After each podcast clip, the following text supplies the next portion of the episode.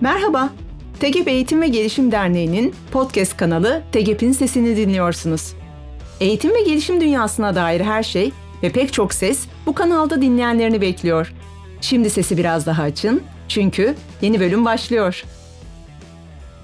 Herkese merhaba, ben Neslihan Gün. TEGEP'in Sesi podcast kaydına hoş geldiniz. Bugün Benimle birlikte TEGEP gönüllüsü arkadaşlarım Ömür Doğan, Nilay Koç, birlikte Özdemir Güngör'ü ağırlıyoruz. ASM Ecel danışmanı, aynı zamanda bilgi, bilgisayar mühendisi. Ecel dönüşüm ve aynı zamanda metodolojisi üzerine konuşuyor olacağız. Kendisi 5 yıldır danışmanlık yapıyor. ICF akredite koçu aynı zamanda uzun yıllar satış ve pazarlama alanında telekomünikasyon üzerine çalıştı. Şirketlerin ecel dönüşüm süreçlerinde danışmanlık yaptığı için de TEGEP'in e, ecel dönüşüm sürecinde de destek oldu.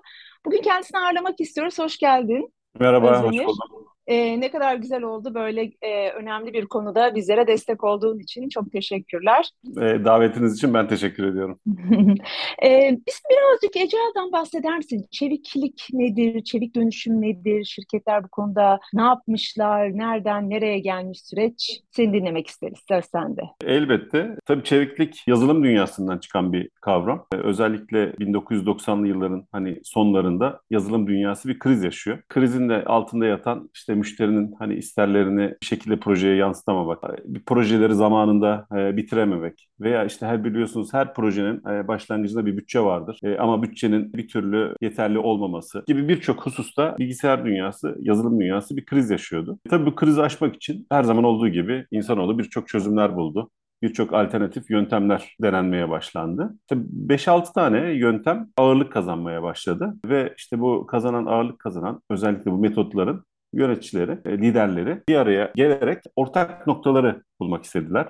Ve bu ortak noktaları bir manifesto ile e, yine yazılım dünyasına açıkçası aktarmak istediler. 2001 yılında Snowbird'de, e, Utah'da bir kayak merkezinde o dönemde önde gelen 17 tane software gurusu bir araya gelip hem bu yöntemlerini hem bu yöntemlerinin ortak noktalarını bulmaya çalıştılar. Ve gerçekten de dört maddelik bir manifestoyla bu bir araya gelişten ayrıldılar ve işte bu manifestonun da Ecel Manifesto oldu. Gerçekten yayınlandığı günden itibaren hani bugüne kadar yani günümüzü değiştiren en önemli e, yıkıcı manifestolardan bir tanesi oldu. Yine çeviklik kavramını ilk defa bu manifestonun yazıldığı zamanda biz duyduk e, Ecel kelimesini. Bu manifestodan da biraz açıkçası bahsetmek isterim. E, dört tane maddeden oluşan bir manifesto. Tabii bu bir araya gelenler yazılım dünyasından liderler.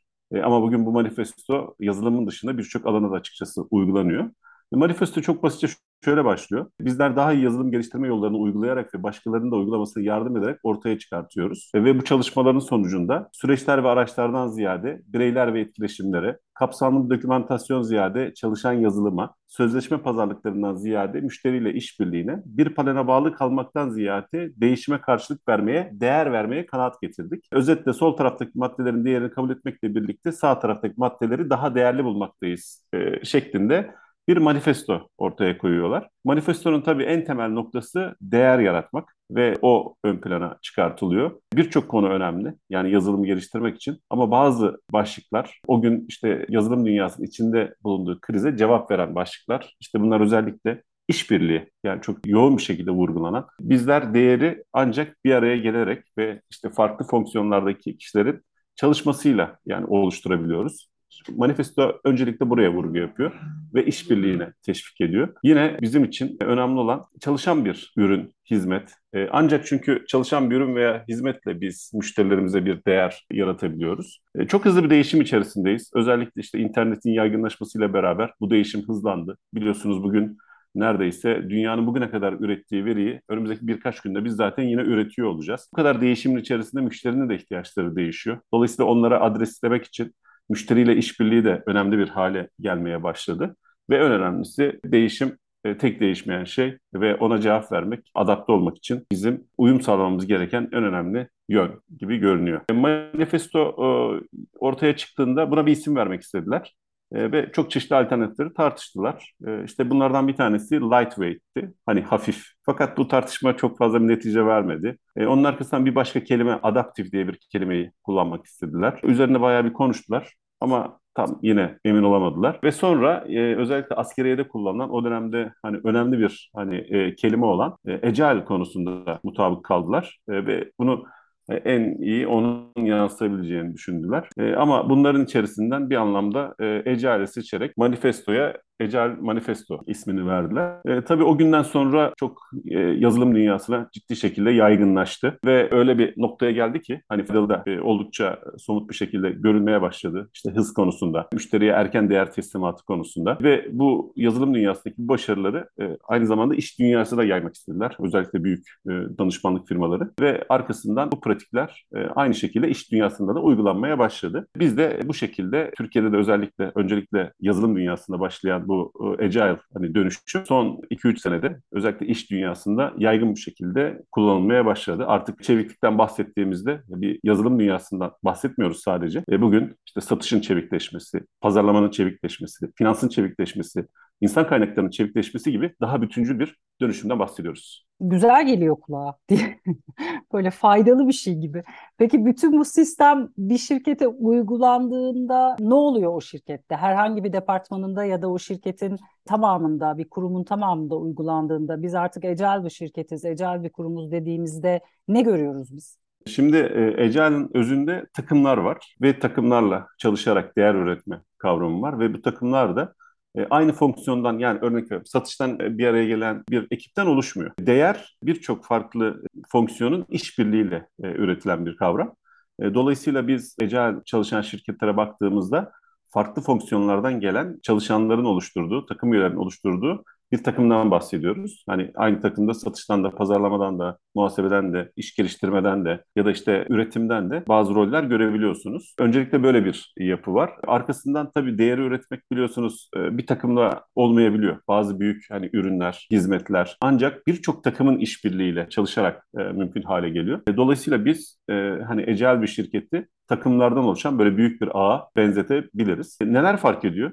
Tabii çevikleşme uzun bir süreç. Hani aynen bireyin e, çevikleşmesi gibi e, birçok aşamadan geçilerek siz olgunlaşıyorsunuz ve dönüşümde daha ileri bir noktaya ulaşıyorsunuz. Ama oraya doğru ilerlediğinizde tabii hani bu işbirliğinin getirdiği bir unsurla birçok alanda iyileşmeler görmeye başlıyorsunuz. Bunlardan bir tanesi tabii ki hani Ecel'in odağında öncelikle müşteri var. Müşteriye değer yaratmak var. Öncelikle iyileşme gördüğümüz alan müşterideki memnuniyet oranları. Yine McKinsey ile Scrum.org'un birlikte yaptığı bir çalışma var. 6 sektörde toplam 22 tane firmayı e, inceliyorlar ve işte orada özellikle müşteri memnuniyeti konusunda %10 ila %30'lar arasında bir artış olduğunu gözlemliyorlar. Biliyorsunuz müşteriye giden yol çalışandan geçiyor. Yine çalışan bağlılığı da çok olumlu bir şekilde etkileniyor. Çalışan bağlılığında da aşağı yukarı %20 ile %30 arasında iyileşmeler görüyoruz. E, neden? Çünkü çalışanlara çok net bir hedef veriliyor. Agile self organizasyonu yani otonomiyi destekleyen bir yapı. Çalışanlar anlam buluyorlar yaptıkları işlerde. İş yaptıkları işlerde ustalıkla, ustalaşmaları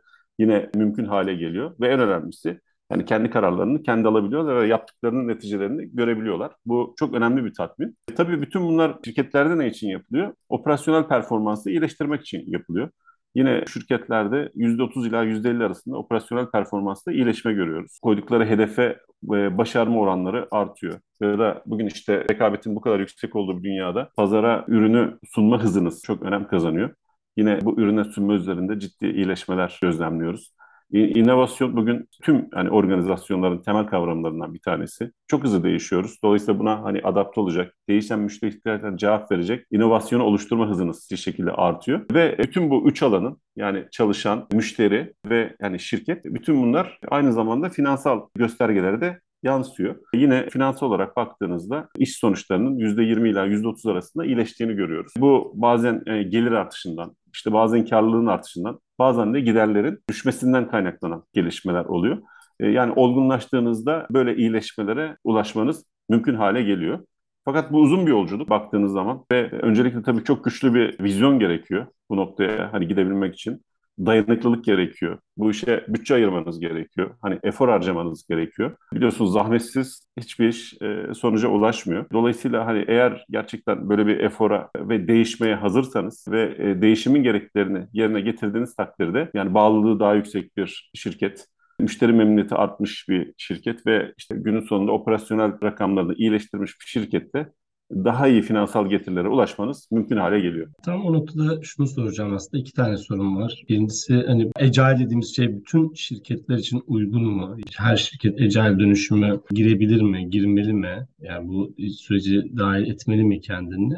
Bir de yani bunu yapan şirketler de ne yapıyorsunuz? Nereden başlıyorsunuz? Agile'da neyi farklı yapıyor şirketler? Biraz böyle o konuda da bize kısa bir bilgi verebilir misin Özdemir? Elbette. Şimdi biz içinde bulunduğumuz ortamları çeşitli şekillerde sınıflandırıyoruz. Basit ortamlarda hani elimizdeki bilginin işte karşı karşıya kaldığımız problemi çözmek için yeterli olduğu noktalarda açıkçası böyle bir yaklaşıma çok da gerek yok. Yine karmaşık ortamlar diyoruz. Hani karmaşık ortamlar elimizdeki bilgiyle işte karşı karşıya kaldığımız problemin benzer olduğu, yani elimizdeki bilgiyle problemi çözebileceğimiz ortamlar.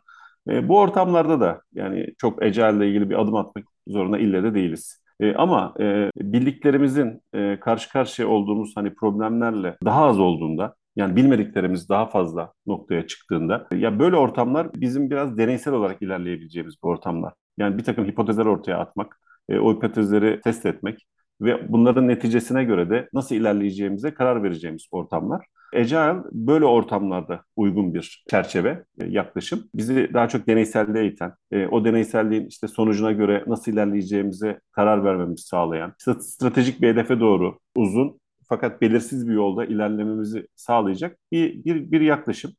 Dolayısıyla eğer hani böyle bir ortam içindeyseniz ki bugün içinde bulunduğumuz hani değişim ortamı e, gerçekten bilinmeyenleri çok fazlalaştırıyor. Rekabet, işte bir anda ortaya çıkan işte teknolojiler, bir anda ortaya çıkan rakipler veyahut işte pandemi gibi e, meydana gelen bir takım tüm yani insanlığı etkileyen e, değişimler gerçekten bizi birçok bilinmeyenle karşı karşıya bırakıyor. İşte bugün hala biz hani hibrit mi çalışalım, uzaktan mı çalışalım, ofiste mi çalışalım biliyorsunuz bunlara tamamen karar verebilmiş durumda değiliz. Deniyoruz. İşte gözlemlerimize göre nasıl ilerleyeceğimize karar veriyoruz. Önce uzaktan işte çalışmaya sarıldık. Daha sonra iş yerindeki o teması kaybettiğimizi gördüğümüzde biraz hani ofise gelmeye hani başladık. Şimdi bir denge noktasına doğru bir arayıştayız. Dolayısıyla bu belirsizlik ortamlarında şirketlerin kullanabilecekleri önemli bir yaklaşım Agile. E, deneyselliği öne çıkaran bir yaklaşım. Deneyselliğe işte özellikle bu belirsizliği azaltmak için, hani adımlar atmak için olduğunu lütfen düşünün. Bu adımları hani atmamıza bizi teşvik eden ve arkasından bu deneylerin sonucuna göre ne yönde ilerleyeceğimizi karar vereceğimiz bir yaklaşım. Tabii bu bambaşka bir kültür gerektiriyor. E, deneysellik biliyorsunuz hatayı da içeren bir e, unsur. Bu yolda hani adım atabilmek için sizin şirket kültürünüzde de bir takım değişiklikler açıkçası yapmanız gerekiyor. İşte bazı deneyler başarısızlıkla sonuçlanacak. Sizin bu, buna karşı tutumunuz ne olacak? E, genelde e, birçok şirkette maalesef e, cezalandırılan bir kavram. Sizin bu belirsizlik ortamında ilerlemeniz ancak ve ancak e, cesaretle mümkün. Cesaretle ve yeni şeyleri denemeyle mümkün.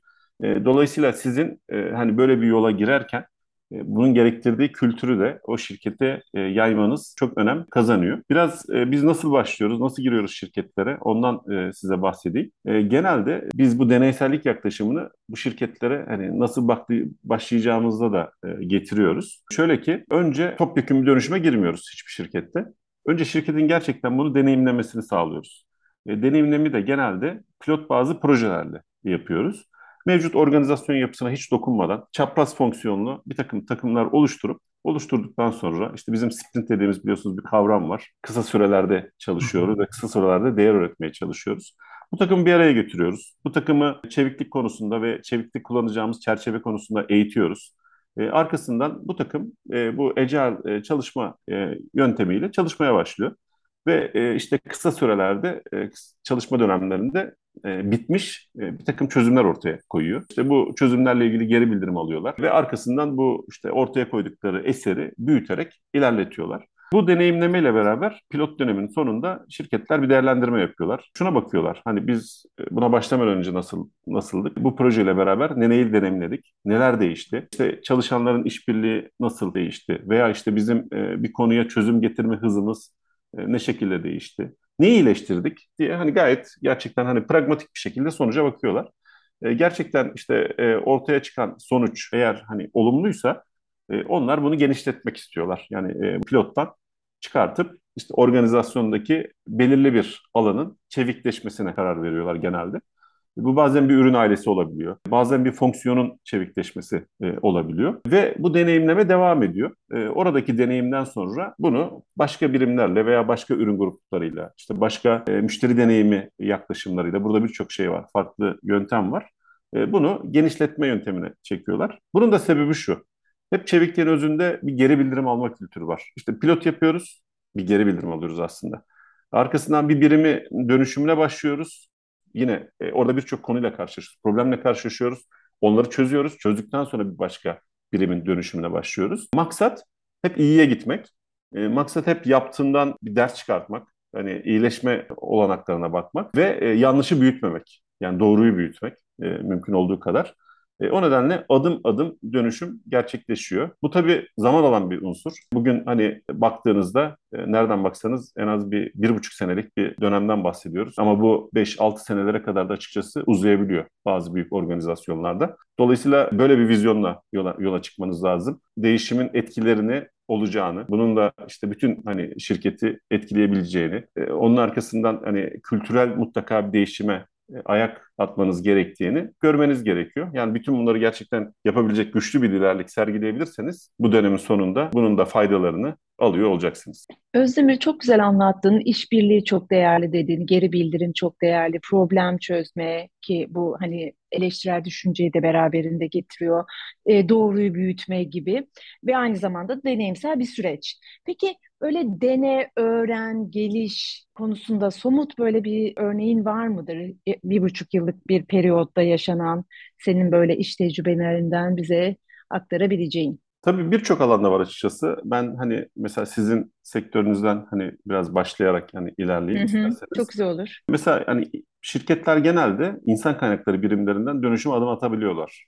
Çünkü önce insan kaynakları bunu bir deneyimlemek istiyor. Deneyimledikten sonra da hani hem anlamak hem de bunu organizasyona yaygınlaşmasını istiyor. Ee, İK'dan başladığımız bir mesela şirkette o zaman işe alım süreçleri yaklaşık 90 gün civarında sürüyordu. Pilot projeye başladık İK'da. Arkasından işe alım sürecini bir takım hani oluşturduk e, ve işe alım sürecini çevik bir şekilde ele almaya başladık. Bu şirkette 90 günlerden e, hani kademeli olarak yaklaşık 35 günlere düşürebildik. Yani ilanın hani e, çıkmasından çalışanın yerleştirilmesine kadar olan süreci. Böyle bir iyileşmeden bahsedebilirim. Ürün Nasıl geliştirme... yaptınız? Bizim... Neydi tılsımlı değnek orada özellikle böyle hani fark yaratan? Şöyle yaptık açıkçası, e, görselleştirerek yaptık e, bütün hmm. süreci. Orada Kanban e, dediğimiz hmm. metodu kullandık. Evet. E, Kanban bize hani hem görselleştirmeyi hem de aynı anda yapılan iş miktarını sınırlandırmayı e, öneriyor. Yani temel vaadi e, o. E, bunun da amacı e, lead time'ı yani bizim bir işe başladığımızdan hani bitirdiğimize kadar olan süreyi kısaltmak. İşte görselleştirdiğiniz zaman her şey açıkçası hani ortaya çıkıyor. Hani şeffaflaşıyor. Siz e, nerede tıkanıklıklarınız var onları görmeye başlıyorsunuz. İşbirliği hani artmaya başlıyor ve işte konuların üzerine hani gitmeye başladığınızda ve onlarla ilgili hani aksiyonlar almaya başladığınızda adım adım bu gelişmenin olduğunu gözlemliyorsunuz. Enerjinizi doğru yere veriyorsunuz. İşte bazen kaynaklar biliyorsunuz yeterli olmuyor. O zaman alternatif yollar düşünmeye başlıyorsunuz. İşte dışarıdan yardım almaya başlıyorsunuz. Bunların tamamı önünüzde. İşbirliğinin de hani artmasıyla birlikte verilerle hani karar vererek ilerliyorsunuz. Hani örneğin şirketteki e, sıkıntılardan bir tanesi yani yaptıkları tekliflerden e, adayların kabul etmemesiydi. Hani bazı rollerde. Hani baktık gerçekten e, oradaki problemin işte te- tavsiye edilen hani önerilen baz maaş olduğunu hani gözlemledik. Gerçekten hani o role özel tekrar bir çalışma yapıldı ve arkasından işte teklif örneğin düzeltildi. Düzeltildikten sonra da oradaki işte işe alıp hızlandı. Adaylar yerleşmeye başladı. Baktık e, ekip mesela yeterli değil. Hani küçük bir ekip var. Görüşmeleri yapamıyor. İşte görüşmeleri tamamlayamayınca ilgili iş biriminden destek aldık ve bazı rollerin e, işe alımını outsource etmeye hani karar verdik. Ya bütün bu adımlar bu süreci hızlandırdı ve bugün biz hani bu projeye başladığımızda en büyük problem açık pozisyonların doldurulamamasıydı. Bu proje hani ilerlediğinde yani böyle bir problem kalmadı açıkçası. Başka konulardan bir tanesi ürünün pazara çıkış hızı. Yine otomotiv sektöründeki e, işte bir çalıştığımız bir firmada bu süreci 6 ay kadar kısaltabildik toplamda. Bu çok önemli bir kavram açıkçası. Hem sizi rekabette öne geçiren bir kavram hem de 6 ay önce bir ürünü pazara sunmak, 6 ay önce gelir yaratmaya başlamak demek baktığınızda. Ve 6 ay önce hani müşteriden öğrenmeye başlamak demek. Çünkü siz bir vaatle hani müşteriye çıkıyorsunuz ama müşteri bu ürünün bazı noktalarını kullanıyor, bazılarını kullanmıyor. Dolayısıyla sizin hani e, öğrenmeye başlamanız ve ürünle ilgili değişiklikler yapmanız için de büyük fırsatlar sunuyor. Dolayısıyla o firmada e, yine pazara çıkış hızı hızlandırıldı. Bunun gibi bazı projeler, e, verimlilik projeleri, örneğin işte bir ürünün maliyetini düşürme projeleri. Biliyorsunuz bazen e, hani pazarlamada hani çalışıyorsanız ürününüzün doğru fiyatlı olması gerekiyor. Pazarda rekabet edilecek fiyatlı olması gerekiyor. Ona göre işte sizin müşteriyle işbirliği yaparak ürünü doğru fiyata getirmeniz gerekiyor. Bazı ürünlerde ürünün fiyatını pazarın kabul edeceği seviyeye kadar e, çektik. Tabii bu çok büyük bir işbirliği demek. Bir yandan hani o üründe kullandığınız parçaları gözden geçiriyorsunuz. Bir yandan o üründe müşterinin gerekli görmediği bir takım fonksiyonlardan hani vazgeçiyorsunuz. E, bütün bunlar işte o birlikte çalışmayla, müşteriyle olan işbirliğiyle mümkün hale geliyor. Dolayısıyla sizin yani hedefiniz neyse sizi o hedefe götürecek yolu siz bu yöntemle ulaşabiliyorsunuz. Çok teşekkürler Özdemir. Şimdi ben tabii bunu bir başta sormam gerekirdi ama yani böyle şimdi aklıma geldi bir yandan. Sen şimdi Neslihan senden de bahsederken aynı zamanda bir ICF koçu olduğunu da söylemiş oldu. Bir taraftan da bir Agile koçsun aynı zamanda ve e, şimdi ben de bir e, ICF akredite koçum ve şimdi bizde normal koşullarda koştukta biz tavsiye vermiyoruz. E, fikrimizi beyan etmiyoruz. Danışanın kendi yolunu bulması konusunda yol arkadaşlığı ediyoruz ona. Ama sanırım burada Agile koçluğunda ikisi de koçluk olarak geçtiği için e, bir miktar farklı. Aslında o farkı da tam böyle sorabileceğimiz en iyi kişilerden biri olduğun için doğrudan sana sormak istedim. E, nedir e, Agile koçla ICF koç arasındaki ilişki ya fark? Evet, ben de hani başladığımda çok ilişkili olduğunu düşünüyorum. İlişkili de bu arada. E, Ecel koçluk hani profesyonel koçluk yetkinliklerini kullanan bir koçluk türü ama bir bireysel koçlukla ya da takım koçluğuyla sınırlı değil. Biraz durumsal liderliği içinde barındırıyor. Sizin işte durumunuza göre hangi rolü üstlenmeniz gerektiği konusunda size bir ipucu veriyor. İşte bu bazen e, öğretmek olabiliyor. E, gerçekten siz bir takımı eğitiyorsunuz e, çeviklik konusunda, çeviklik zihniyeti konusunda veya çeviklik metodları konusunda, e, doğru metodu seçmeleri konusunda. E, bazen koşluk yapıyorsunuz gerçekten birebir. Aynı hani profesyonel koşlukta olduğu gibi e, o kişinin e, değişim yolculuğuna rehberlik yapıyorsunuz. Fakat bazen de mentorluğa geçmeniz gerekiyor. Onun yani sorduğu sorulara işte deneyimlerinizle beraber cevap vermeniz gerekiyor. O deneyimlere göre olabilecek şeyleri e, ifade etmeniz gerekiyor. E, zaman zaman da ecel koçluk hani insanlarla çalıştığımızdan, büyük gruplarla beraber çalıştığımızdan yaptığımız etkinliklerin sonuca ulaşması için e, o etkinliklerden bir faydayla çıkmamız için çeşitli fasilitasyonları içeriyor. Dolayısıyla geniş bir kavram. Sizin e, hani araç kitinizde, araç kutunuza daha doğrusu hani koçluğun da olmasını gerektiren, takım koçluğunda olmasını gerektiren, çeşitli fasilitasyon e, tekniklerinde barındırmanız gereken, e, konuya, çalıştığınız konuya hakimiyet gerektiren, e, bunu Hani hani hem iyi bir öğrenici hem de iyi bir öğretici e, olmanız gereken biraz daha böyle şemsiye bir rol. Ama ben özellikle e, hani soru sorma e, ve dinleme gibi çok temel hani koşuk yetkinliklerini e, Ecel koştuğumda hani etkin olarak kullandığımı ifade edebilirim. Ve gerçekten de hani Ecel koşula adım atmak isteyen hani herkesi de e, aynı zamanda profesyonel koşu eğitimi alması konusunda tavsiyede bulunuyorum. Biz de hani çalıştığım şirkette e, birçok arkadaşım bu yola girdi ve orada hani koşu yetkinlerini ciddi bir şekilde e, geliştirdiler. Özetle koçluğu da içine alan, daha doğrusu o koçluğun getirdiği yetkinlikleri hani barındıran, gerektiği yerde hani farklı yönlerinizi de e, ortaya çıkarmanız gereken geniş bir rol olarak tanımlayabilirim. Özdemir benim bir sorum var. Şöyle şimdi normalde bu İK trendlerinde ve hani daha farklı trendlerde de tabii ama İK trendlerinde özellikle çok sık gördüğümüz değişimler, dönüşümler de var. Yani Agile'ın önemli bir parçası değişim. Önemli e, ayaklarından biri. Ama mesela işte atıyorum VUCA Bunny'e döndü, işte bir takım sürekli yeni trendler çıkıyor. Agile da zaman içerisinde bir şeye dönüşecek mi yoksa hani gelişecek, iyileşecek mi ya da işte bambaşka bir yola mı evrilecek? Elbette. Şimdi tabii ecel çok geniş bir kavram. Hani özünde bir felsefeyi hani barındırıyor. İşte müşteri hani odaklı, takım çalışmasını hani ön plana çıkartan, sürekli iyileşmeyi e, hani barındıran e, bir yaklaşım, temel bir yaklaşım. E, tabii değer üretimi, e, o değeri erken teslim etme gibi birçok kavram var. Bunlardan tabii bir tanesi de sürekli iyileşme. E, dolayısıyla hani kendi içerisinde zaten iyileşmeyi barındıran bir kavram. Örneğin mesela Scrum Agile'da kullanılan çerçevelerden bir tanesi. E, bakıyoruz, hani Scrum'ın adını biz işte ilk defa 1995'te duyuyoruz. Hani 1995'te hani ortaya koyulan Scrum çerçevesiyle bugün hani or, en son hani versiyon arasında bayağı farklar var. Yani kendisini o da değiştiren ve dönüştüren bir açıkçası e, yaklaşım. E, çeviklik de bu şekilde. Hani biraz çeviklikte hani gideceğimiz yol e, kendi kendini yöneten organizasyonlara doğru gibi gözlemliyoruz biz şu anda. Hani TEAL organizasyon olarak bunları hani özetliyoruz. Olgunlaşmayla beraber çevikliğin hani olgunlaşma aşamaları var açıkçası. Biz daha hani yolun sanki ortasındayız yani. Daha ilerleyeceğimiz ve gideceğimiz birçok yol var. Gerçekten hani o dönüşüm gerçekleştiğinde tamamen hani otonom çalışan, kendi kendini yöneten çeşitli organizasyonel yapılara doğru ilerlememiz mümkün hale gelecek. Yani bugünkü kavramdan çok daha farklı. Özellikle amacın öne çıktığını görüyoruz. Yani purpose odaklı, amaç odaklı organizasyonların, kendi kendine yöneten yapıların e, ortaya çıktığını gözlemliyoruz ve bugün işte bizim pratiklerimizden çok farklı. mesai kavramı olsun e, veya işte çalışma kavramı olsun. Bunlardan çok daha farklı kültür bizi bekliyor. Bir de e, aktif ve pasiflikten biraz bahsetmek istiyorum. Biraz hep değişime adapte olan diye tarif ediyoruz. Biraz pasif bir kavram değişime adapte olmak. Evet çevikçe bir yaklaşım ama aynı zamanda biraz pasifliği de içeren bir kavram. Çünkü bir değişim oluyor. Siz ona adapte oluyorsunuz. E, aktif bir hani çeviklik değişim yaratmaktan da geçiyor. Yani siz adapte olmuyorsunuz da siz değişimi yaratıyorsunuz. Aktif bir çeviklikte yaklaşıyorsunuz. İçinizde bulunduğunuz sektörü şekillendiriyorsunuz. Yani hani öyle teknolojiler, öyle çalışma tarzları ortaya koyuyorsunuz ki sektör değişiyor. Hani örneğin mesela Tesla e, otomotiv sektörüne böyle bir heyecan getirdi. İşte biliyorsun 20-25 senelik bir firma. E, işte bugün 100 senelik devlere hani Toyota olsun işte e, veya işte Ford olsun e, bütün bu firmaların yani karşısına çıkmış. E, onların toplamından çok daha kıymetli bir değere ulaşmış. Ve e, enteresan hani otomotiv sektöründe ama esasen teknoloji e, bir şirket olarak görülen ve bu sebepten dolayı da hani yatırım yapılan bir şirkete dönüşmüş durumda.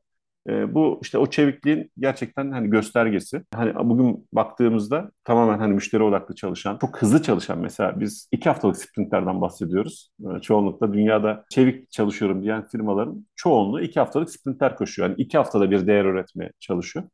Ama Tesla'da bunun 3 saate kadar indiğini gözlemledik. Yani onlar hani 3 saatlik sprintler koşuyorlar ve 3 saat içerisinde bir değer ortaya koyuyorlar ve bu değeri hayata geçiriyorlar. Hani e, o kadar hızlı. Bu şekilde hani etrafını değiştiren ve daha fazla hani kendi kendine yöneten bir organizasyona doğru gidişi gözlemliyor olacağız. Çok heyecan verici gerçekten Tesla'nın bu bahsetmiş olduğun 3 saate inen e, sonuç çıkarma e, yaklaşımı. Peki az önce İK ile ilgili çok güzel bir örnek verdin. E, işe alımında ne kadar kısa sürede gerçekleşebildiğini Kanban uygulamasıyla söyledin. Pe e, eğitim gelişim alanında e, neyle karşılaşırız? Nasıl uygulanır? Nasıl adapte edilir? Bununla ilgili ne söylersin Özdemir? Şimdi e, çevikliği hani şunu gözlemledim ki bu çalışma döneminde yetkinlikleri geliştirmeden bizim çevikleşmemiz söz konusu değil. Hani neredeyse bunu her gün daha fazla hani gözlemlemeye başladım. İşte o yetkinlikleri geliştirmekte işte özellikle şirketlerdeki bu hani talent development dediğimiz, akademi dediğimiz birimler tarafından e, yapılıyor. Dolayısıyla ben hani bu birimleri çevikleşmeni çok büyük bir hızlandırıcı olarak görüyorum. Çünkü bu birimler gerçekten hani insanları iyi, iyi tanıyorlar. Hani onların hangi konuda güçlü olduklarını, hani teknik olsun, hani soft skill'ler olsun, hangi başlıkta e, ne noktada olduklarını çok iyi bir şekilde ortaya koyabiliyorlar. E, biz de bu birimlerle açıkçası işbirliği yaparak bu çevikleşme yolunda yetkinlikleri geliştirme, Hani önce anlama bizim hangi yetkinliklerimiz var, hangi yetkinlere ihtiyacımız var ve biz bu yetkinlikleri nasıl hani e, iyileştiririz e, bütün ürünler konusunda onlarla işbirliği e, yapıyoruz. O yüzden onların özellikle hani çeviklik kavramını tanıması her şeyi çok değiştiriyor. Yani çevik bir mesela yaklaşımla işlerini ele almaları bizi birbirimize hani e, ortak dile çok daha yakınlaştırıyor. Genelde bu birimlerle birlikte eğitimler tasarlıyoruz. İşte arzu ettiğimiz yetkinlik seviyesine takımlara ulaştırmak için veya takımlarda çalışan arkadaşlara ulaştırmak için hani neye ihtiyaç var? Bizim işte bu yetkinlikleri geliştirmek için hani neler yapmamız lazım? Ve onların e, sadece hani eğitim değil biliyorsunuz. Yani eğitimin aynı zamanda uygulaması e, o öğretimi e, gerçekleştiriyor.